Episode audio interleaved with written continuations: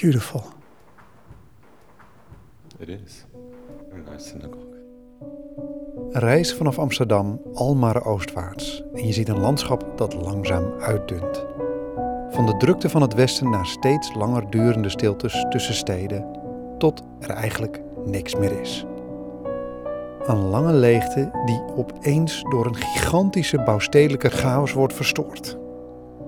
Berlijn. Wegen, sporen, eindeloze flats en kolossale ruïnes lijken over elkaar heen te buitelen om samen een soort metropool te maken zoals je hem nergens anders treft. De drukte beneemt je misschien het overzicht, maar één ding kan je aan alles aflezen: hier is iets. En zo gauw het eerste iets zich hier op de vlakte aandiende, vestigden Joden zich hier ook. Deze reeks vertelt het verhaal van Joods Berlijn. Van de oprichting van de eerste synagoge en de Joodse verlichting in de 18e eeuw tot het Berlijn anno nu, na de muur. Het is een verhaal van eindeloos vallen en opstaan, van kansen en vervolging, waar geluk en vooral geweld nooit ver van elkaar verwijderd zijn. Mijn naam is Maarten Westerveen en in opdracht van het Joods Museum in Amsterdam spreek ik met historici en Berlijners om vier eeuwen Joodse stadsgeschiedenis in kaart te brengen. In aflevering 1 maken we een paar flinke stappen om de vormende jaren van de Joodse Berlijners te ontwaren. Van de 18e eeuw tot 1930. How many people uh, are seated? 632.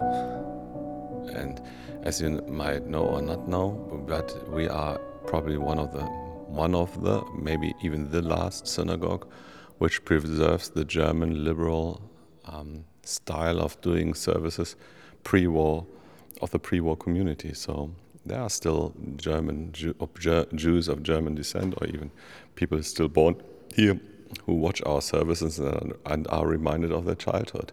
So which is also very nice because we can fulfill our mission to um, to preserve that old tradition.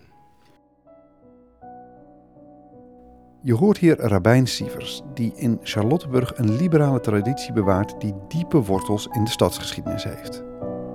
En om die wortels te ontwaren moeten we ver terug. Hoewel de Joodse geschiedenis in Duitsland teruggaat tot de Romeinse vestigingen in Keulen en Trier, is de Berlijnse tak een relatief recente. Waar langs de Rijn al in 321 de eerste gemeenschap gevonden worden, is er de volgende duizend jaar in Berlijn nog nauwelijks levend te bekennen.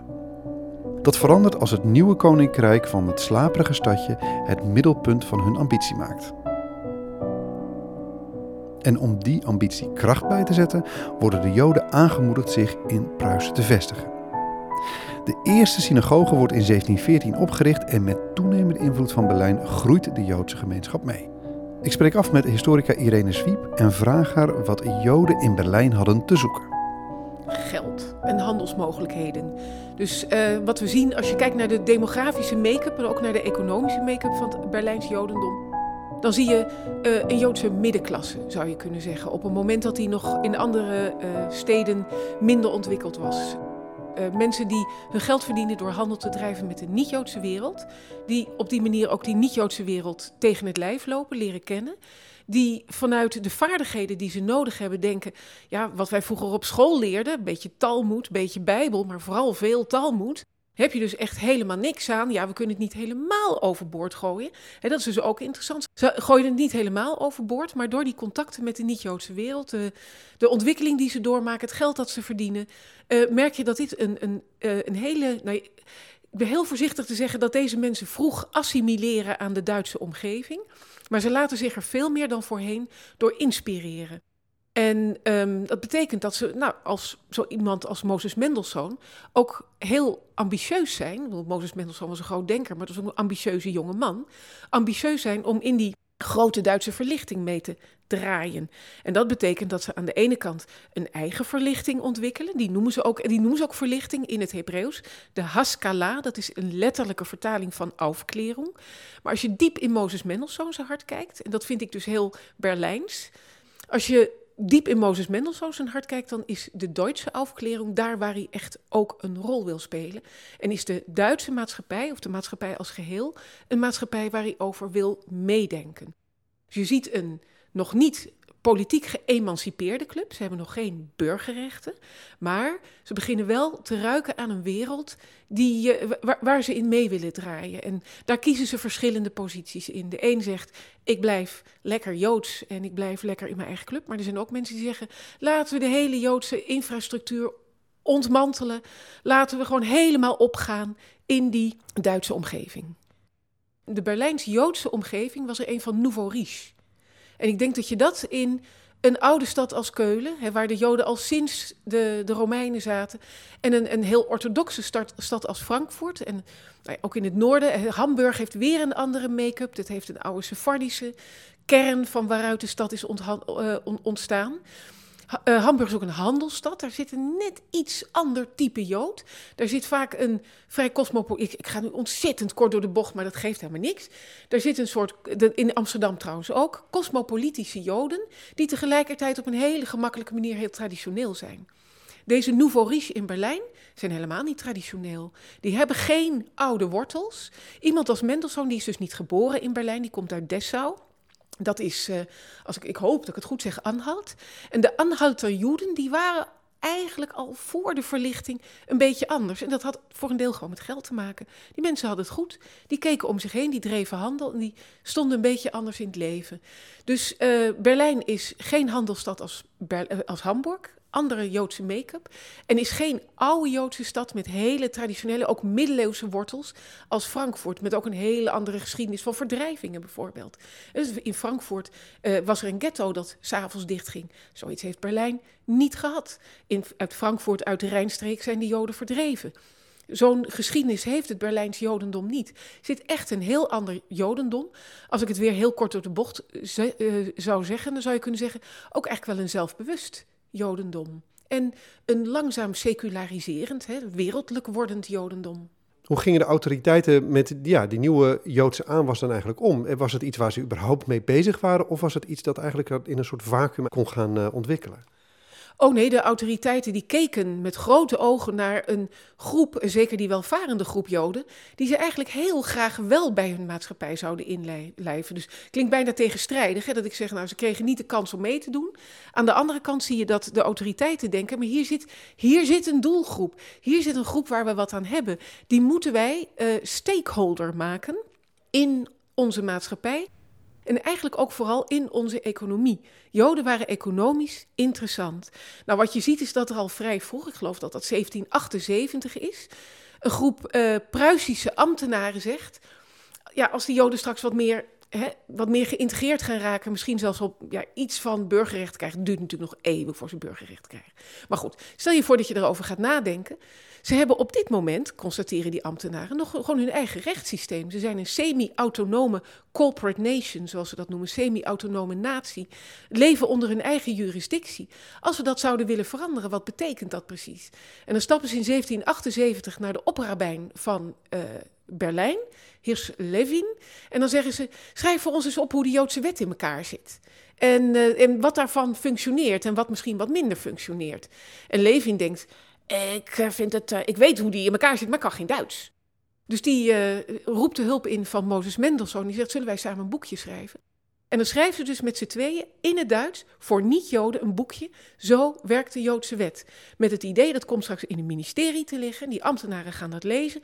En dat gaat iets betekenen in onze, ja, in onze ontwikkeling, in onze positionering in de maatschappij. Nou, Twee, drie jaar later, 1781, schrijft Christophe van Doom. Die schrijft een boek over de burgerlijke verbetering, zoals hij het noemt, van de Joden, Bürgerliche Verbesserung. En daarmee, dat is eigenlijk een economisch traktaat, als ik heel eerlijk ben, waarin hij zegt: Joden worden niet goed behandeld, plaatsen zichzelf daarmee buiten de maatschappij. Wij gaan Joden goed behandelen, dan kunnen ze integreren in de maatschappij. En dan gaan we er onbeschrijfelijk veel plezier van hebben. Dus ze mogen Jood blijven van mij, dat is helemaal geen punt. Maar we gaan ze economisch anders uh, sorteren. We gaan zorgen dat ze niet alleen maar in de handel werken, maar ook in de landbouw. We gaan zorgen dat ze goede scholen krijgen, zodat ze goede patriotten worden. Nee, nee, nee, ze mogen nog net geen ambtenaren worden. Dat gaat me toch nog wel iets te ver. Ze zijn een minderheid, maar uh, ze mogen voor mij ook in het leger. Dus hij, hij, hij schrijft een traktaat waarin hij zegt: ja, de Joden kunnen verbeteren. Ik geloof in vooruitgang. Dat het de Joden niet goed gaat, heeft met ons te maken. En maar zeer ten dele met de Joden. Als wij dus de Joden, het is volstrekt verlicht denken dit, als wij de Joden beter behandelen, worden het betere mensen, gaan we meer aan ze hebben. Dus als je vraagt aan mij, kijkt de overheid en denken ze, oh leuk, ook Joden? Nee, nee, nee. Daar wordt wel degelijk naar Joden gekeken en er wordt nagedacht over manieren om Joden in de maatschappij nou, niet in te lijven, maar meer erbij te betrekken bij bepaalde projecten. En wat je ziet is dat Joden, Berlijnse Joden, daar buitengewoon gretig op reageren. Dus twee jaar na Von Doom heeft Mendelssohn al een traktaat geschreven waarin hij zegt: Ja, dat kunnen we eigenlijk wel doen. En schrijft ook iemand als uh, Naftali Hirsch-Wessely, een andere Jood, geboren in Kopenhagen, maar natuurlijk naar Berlijn getrokken. Uh, die schrijft ook een traktaat waarin hij zegt, een heel beroemd traktaat, zelfs in het Nederlands vertaald. Die vrees, shalom we emet, woorden van vrede en waarheid. Wij moeten het Jodendom van binnenuit voldoende hervormen om aan dat Duitse project mee te kunnen doen. Berlijn wordt onder Frederik de Grote een van de centra van de verlichting. Een poging om door reden en nieuwe inzichten te breken met oude hiërarchieën en praktijken. Ook in de Joodse gemeenschap ontwikkelt zich een variant en Irene noemde hem al even, de Haskalah. En een van de centrale figuren in die Berlijnse verlichting, voor zowel de Joodse als niet-Joodse elite, is Mozes Mendelssohn. Als Joden het over Mendelssohn hebben, dan noemen ze Mozes uit Dessau, Mosemi Dessau. Uh, dat klinkt heel intiem. Uh, wij spreken over Mozes Mendelssohn. Uh, de Duitse tijdgenoten van Mendelssohn, vooral de wat meer filosofisch georiënteerde, die noemden hem de Duitse Socrates. En dat betekent twee dingen. Hij was misschien net als Socrates niet verschrikkelijk moeders mooiste. Maar dat betekent ook, hij was een groot en misschien ook wel een beetje een dialectisch denker, een filosoof. Hij wordt geboren in Anhalt, uh, heeft daar te maken met een vooruitstrevende rabbijn die zegt: ga jij maar Maimonides lezen in plaats van Talmud. Nou, dat is al een hele sprong. Uh, dat doet Mendelssohn. Hij begint ook met het schrijven van een commentaartje op Maimonides. Maar al snel maakt hij de overstap van Hebreeuwse werken naar de Duitse filosofie en ook echt naar de Duitse afgekleerde filosofie. Daarmee wordt hij een boegbeeld voor heel veel mensen om hem heen. Vooral voor die jonge garde die omhoog wil, die verder wil, die de publieke sfeer in wil, die nou ja, kansen ziet, vooruitgang proeft. Uh, of hij zich met die jonge garde heel veel heeft bemoeid, dat weten we niet. Hij sterft ook al in 1786, dat is vrij vroeg. Uh, maar we weten wel dat hij voor met name die jonge garde een, een icoon is van wat zij later zouden willen bereiken. En zijn filosofische schriften, ja, die passen eigenlijk heel goed binnen, ja, binnen die Duitse algemene afklering. Dus hij denkt na over wat is nu eigenlijk afkleren? Wat is een mens die door de afklering heen is gegaan? Wat betekent dat voor jou als persoon? Wat betekent het voor jou als burger? Zijn er grenzen aan, dat vind ik altijd wel heel mooi, die constateert hij namelijk ook. Zijn er grenzen aan de verlichting? Dat soort denken heeft hij zich mee bezig gehouden. De verlichting, als mensen bekend zijn met dat begrip, een idee van het breken met een, religieus juk, het zoeken naar reden, het, het geloven in reden. Hoe verhoudt de Haskalah zich tot nou, wat wij ons bij de verlichting voorstellen? Um, nou, dat hangt een beetje vanaf wie je spreekt. ik heb wel eens iemand horen zeggen dat het een slappe aftreksel is. Dat is natuurlijk heel erg lelijk. Um, ik, ik denk dat, dat je de Haskalah... Heel, het, is, het is heel kort, het is kort en krachtig. Het speelt zich af in Berlijn tussen 1770 en 1800. En daarna is het eigenlijk ook wel een beetje klaar. Uh, er doen ook niet zo verschrikkelijk veel mensen aan mee. Het heeft wel uitstraling. Dus het betekent dat... Hè, dat, dat ja, hoe, hoe, zou ik het, laat ik daarmee beginnen, hoe zou ik het willen karakteriseren? Ik zou niet zeggen, het, voor sommigen wel, het juk van de religie afschudden. Maar iemand als Mendelssohn niet. Mendelssohn blijft zijn leven lang orthodox. Hij krijgt op een gegeven moment ook de uitnodiging van een dominee. Ah joh, als jij nou toch zo verlicht bent, dan word je toch maar christen. Zegt hij, nee, dat doe ik niet. Ik blijf gewoon netjes Joods. Nou, daar is wel een zekere bandbreedte. Er zijn ook mensen die zeggen, ja, het juk van de religie moet weg. Maar wat de Haskalah denk ik eigenlijk doet, is een beetje onderhandelen tussen religie en uh, en vernieuwing en verlichting. Dus ze zien aan de ene kant de moderne wereld en ze willen mee in de moderne wereld, maar ze realiseren zich ook verschrikkelijk goed dat ze het Jodendom niet kwijt kunnen. En dat betekent dat je een nieuw Jodendom moet maken of dat je Jodendom moet gaan fine-tunen of tweaken. Maar we gooien het niet weg. En dat, dat, dat is een hele ingewikkelde tour.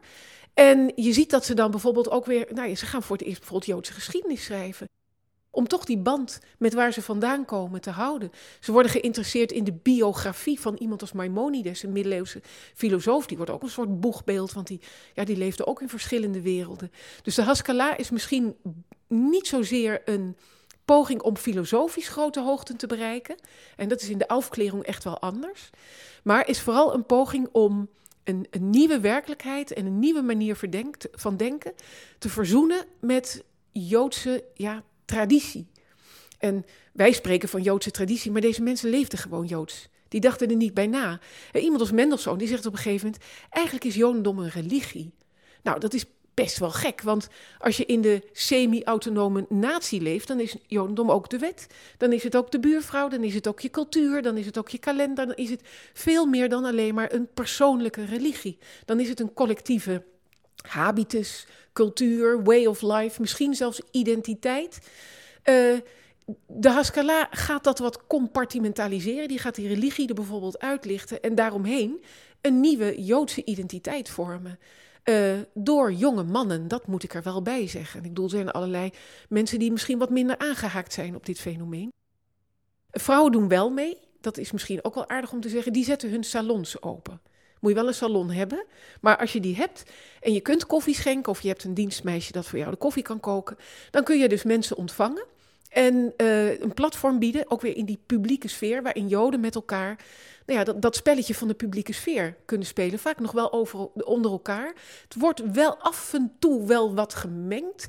iemand als uh, August van Vaanhagen, die heeft echt wel geprobeerd om zijn deuren van zijn studeerkamer open te zetten voor een breder publiek. Maar in die Joodse salon zal het veelal Joods zijn geweest. En daar werd ja, samen bij een kopje koffie werd er nagedacht over die nieuwe situatie. Uh, wat men natuurlijk graag deed, omdat men ja, weinig oude wortels ook had.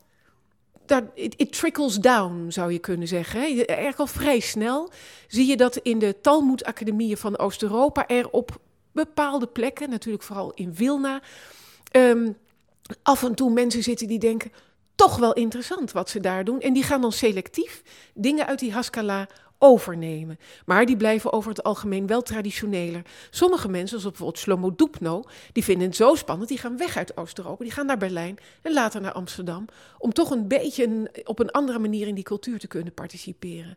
Um, wat een hele belangrijke is, is dat uh, de, de Haskalah educatie heel hoog in het vaandel heeft. De jonge generatie die moet opnieuw opgevoed worden. En ik denk dat er relatief veel jongens vooral weer um, zeker in die overgangsperiode via Haskalah-scholen, zogenaamde Maskilische scholen, her en der in het Habsburgse Rijk, zeker niet alleen in Berlijn, um, een opvoeding hebben gehad die echt anders was dan in het beroemde Geider in Oost-Europa, waar vaak een slecht gewassen man met een baard met één boekje jou iets uit je hoofd liet leren. Dat, dat, dat is in die zogenaamde Duitse scholen, zoals ze later bekend zullen worden, is dat echt anders.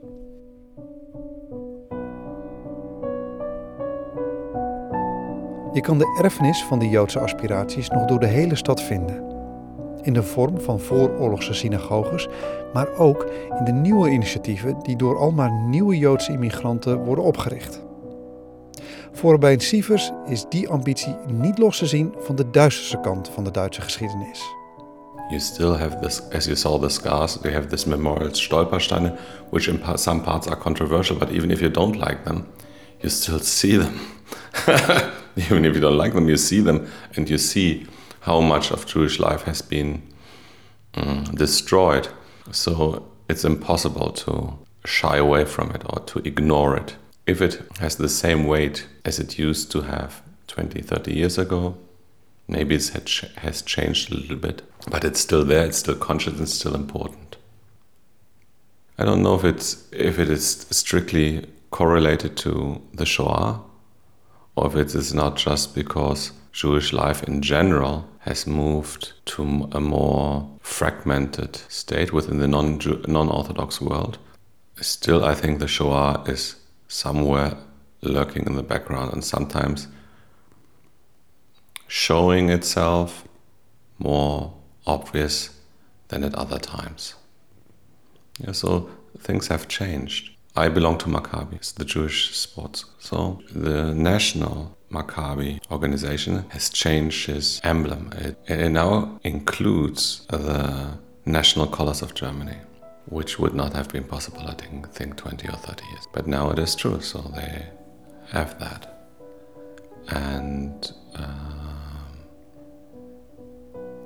and I think that that shows that there is a change in people identifying as Jewish Germans or Jews in Germany. They cheer for the same football clubs as anybody else. And so, in this respect, it has changed, but doesn't mean that you, in the Jewish community, forget about the past. It's more a problem for the general population. De Duitse vlag die Rabijn Sievers noemt, heeft tot dit moment in het verhaal nog niet gevlogen. Want tot dit moment is Berlijn een Pruisische stad. De Duitse taal bestaat, maar van een Duits land is nog geen sprake. Dat verandert allemaal als Wilhelm I na een succesvolle unificatie tot keizer wordt gekroond. Van de een op de andere dag zijn de Berlijners hoofdstedelingen van een immens nieuw rijk. Voor haar Joodse bevolking was het de vraag wat voor plek er voor hen in dit nieuwe Duitsland zou zijn. Wat ze merken in 1871, uiteindelijk werkelijk elke Jood in, in Amsterdam, in Duitsland, in het nieuwe Duitse keizerrijk, burgerrechten. Terwijl het daar inderdaad lokaal, regionaal of uh, nou ja, per, per, per streek, per land geregeld was, is op dat, heeft op dat moment iedereen burgerrechten. Wat je tegelijkertijd merkt, in Nederland heb je in de 1814 iets vergelijkbaars gehad, maar het pakte voor Joden heel anders uit. En na 1871 gaan, gaan er allerlei mechanieken werken om tot een Duitse identiteit te komen, een verenigde Duitse identiteit. En daar verhouden Joden zich enerzijds heel positief toe. Ze willen ontzettend graag meedraaien, maar ze krijgen steeds minder de kans. Uh, ze lijken uh, op bepaalde fronten van die nieuwe Duitse identiteit eigenlijk eerder een stoorzender, een soort anomalie een vreemdeling te zijn, dan dat ze helemaal mee kunnen in het nieuwe verhaal. En dat, dat, dat leidt soms tot um, ja, akelige gebeurtenissen en tot ook weer nieuwe, nieuwe discoursen, nieuwe gesprekken in de Joodse wereld. Heel belangrijk moment daarin, en dan zitten we weer in Berlijn. Dat is de Berliner Antisemitismus-petition. Ik probeer het heel langzaam te zeggen. Je kan, je kan, al kan je geen Duits, kan je het nog verstaan. Er wordt in, en dat is in academische kring, daar schrik ik altijd dan een beetje van, wordt er een petitie ingediend die uh, verzoekt om quota voor Joden op een aantal belangrijke terreinen in de staat. En dat wordt gedaan door uh, nou ja, Duitse intellectuelen. Zeker niet door alle Duitse intellectuelen, maar Duitse intellectuelen die zich verenigen in een partij die ze trots de antisemieten noemen. En dat zou je nu, zou je nu toch niet meer doen. Maar dat gebeurde toen wel. En van de weeromstuit krijg je mensen die dat niet zo'n beste zaak vinden. Die verenigen zich dan in de anti-antisemieten-partij. Dus je, hebt, je zeg maar twee kampen. De anti-antisemieten zijn bepaald geen prosemieten, dat moet ik er ook bij zeggen.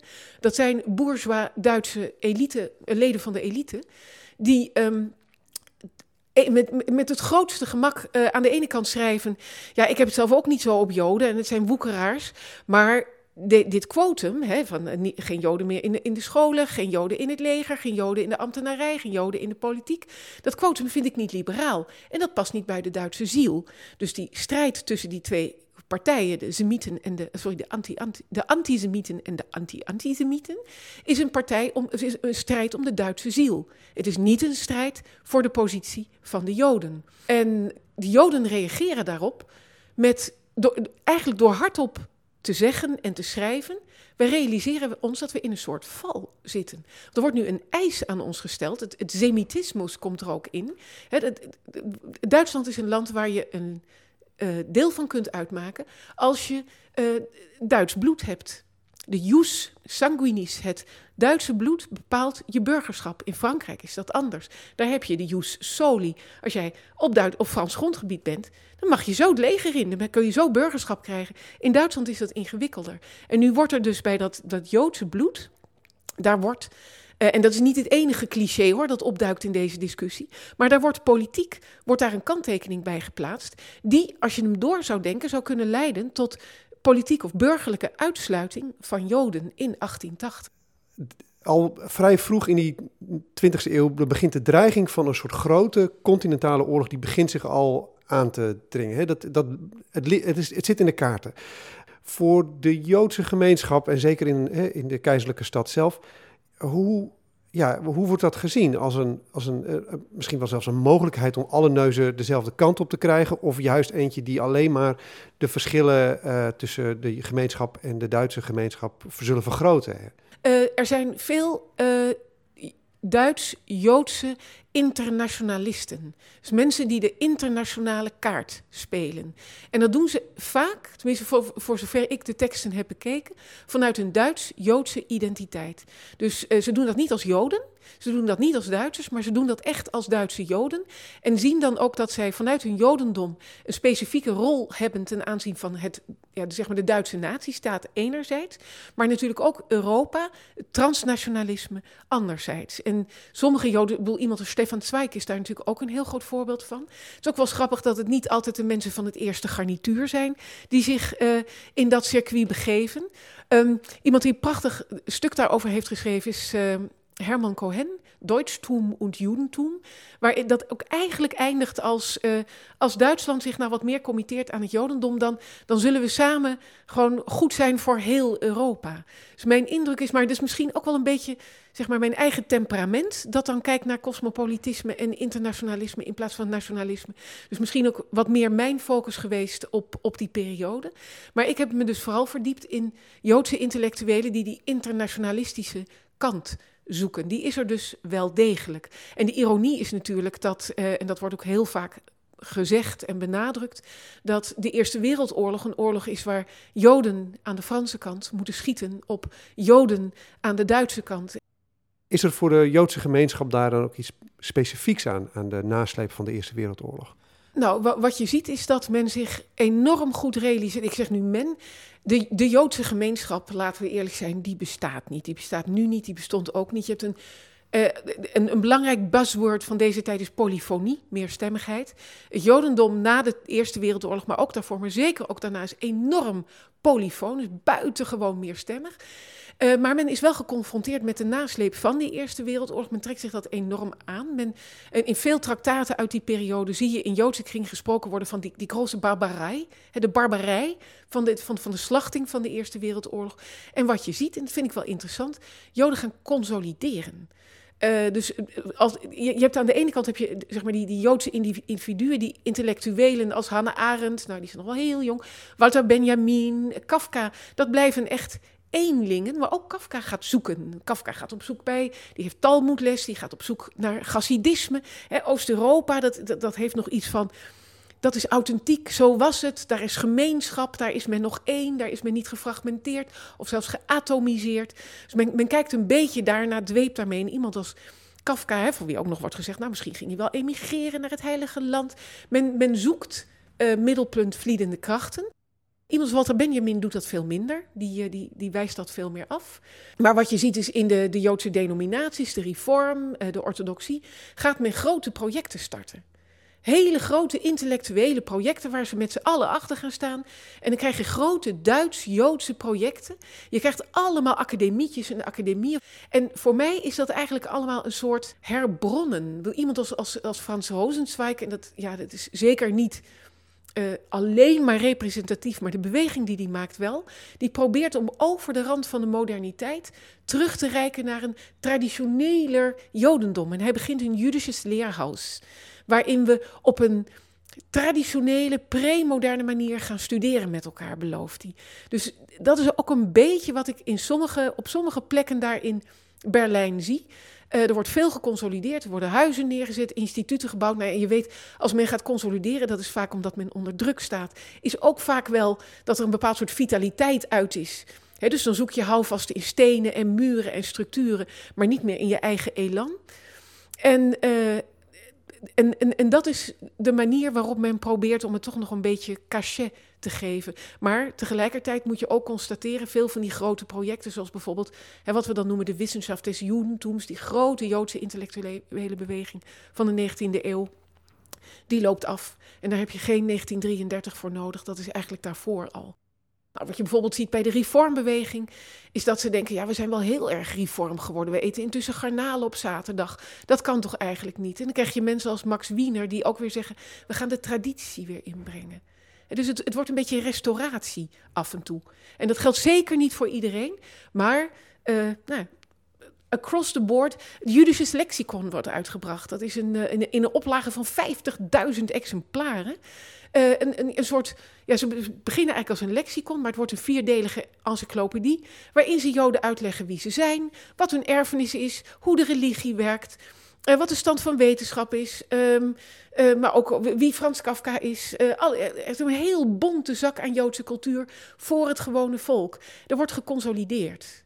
Zij zijn niet de enige die aan het consolideren zijn, want het, de, de, het symbool van het fascisme is, een, is die bundeling van takken het fascisme dat aan het opkomen is. Kijk, de hele tijd, en dat zal voor de rest van deze reeks zo gelden, hangt de schaduw natuurlijk van de Holocaust boven dit onderwerp. Maar in het moment, in de, de nasleep van de Eerste Wereldoorlog, hoe present was de dreiging van het fascisme eigenlijk voor de Joden op dat moment? Nou, ik denk zeer. Um, dit is niet mijn specialisme, dus ik kan je niet vertellen hoeveel gevaar je liep als Jood in de straten van München. Maar ik zou me kunnen voorstellen dat er momenten waren dat je niet op straat moest komen. Maar wat voor mij altijd wel echt een, een ja, een signaal is, uh, is het werk van Leon Feuchtwanger bijvoorbeeld, die in 1933 schrijft Die Geschwister Opperman. Dat gaat over een Joodse familie die overvallen wordt door het nazisme op een heel vroeg moment. Een van de broers die komt ook in een concentratiekamp terecht. Waar hij, uh, dat is echt een scène die ik nooit zal vergeten, waarin hij oefeningen moet doen. En hij is een beetje dik en hij denkt dan, ach weet je, dan val ik af. En dan heeft hij een talmoedische zin die hij bij elke oefening zegt, gam zule tovo, ook dit is ten goede. Nou ja, dat, dat is 1933 en ik denk, ja, iedereen die vanaf dat moment zijn ogen sloot, daar kunnen verschillende dingen een rol hebben gespeeld. En dat in Duitsland, ook Duitse Joden, dat wordt vaak gezegd, het is een beetje een cliché, maar het is ook niet helemaal onwaar, waren Duitser dan Duits. De, de, de, de, grote werken van Goethe en Schiller, dat denken we altijd heel graag, maar het was ook wel een beetje waar. Die stonden bij iedereen in de boekenkast. Kinderen, Joodse kinderen op school moesten toneelstukken van Schiller naspelen tot diep in de 20e eeuw hyper-Duits. Die affiniteit met de Duitse cultuur, die maakt misschien ook wel dat je denkt: ja, maar ik niet. Want ik ben Duits.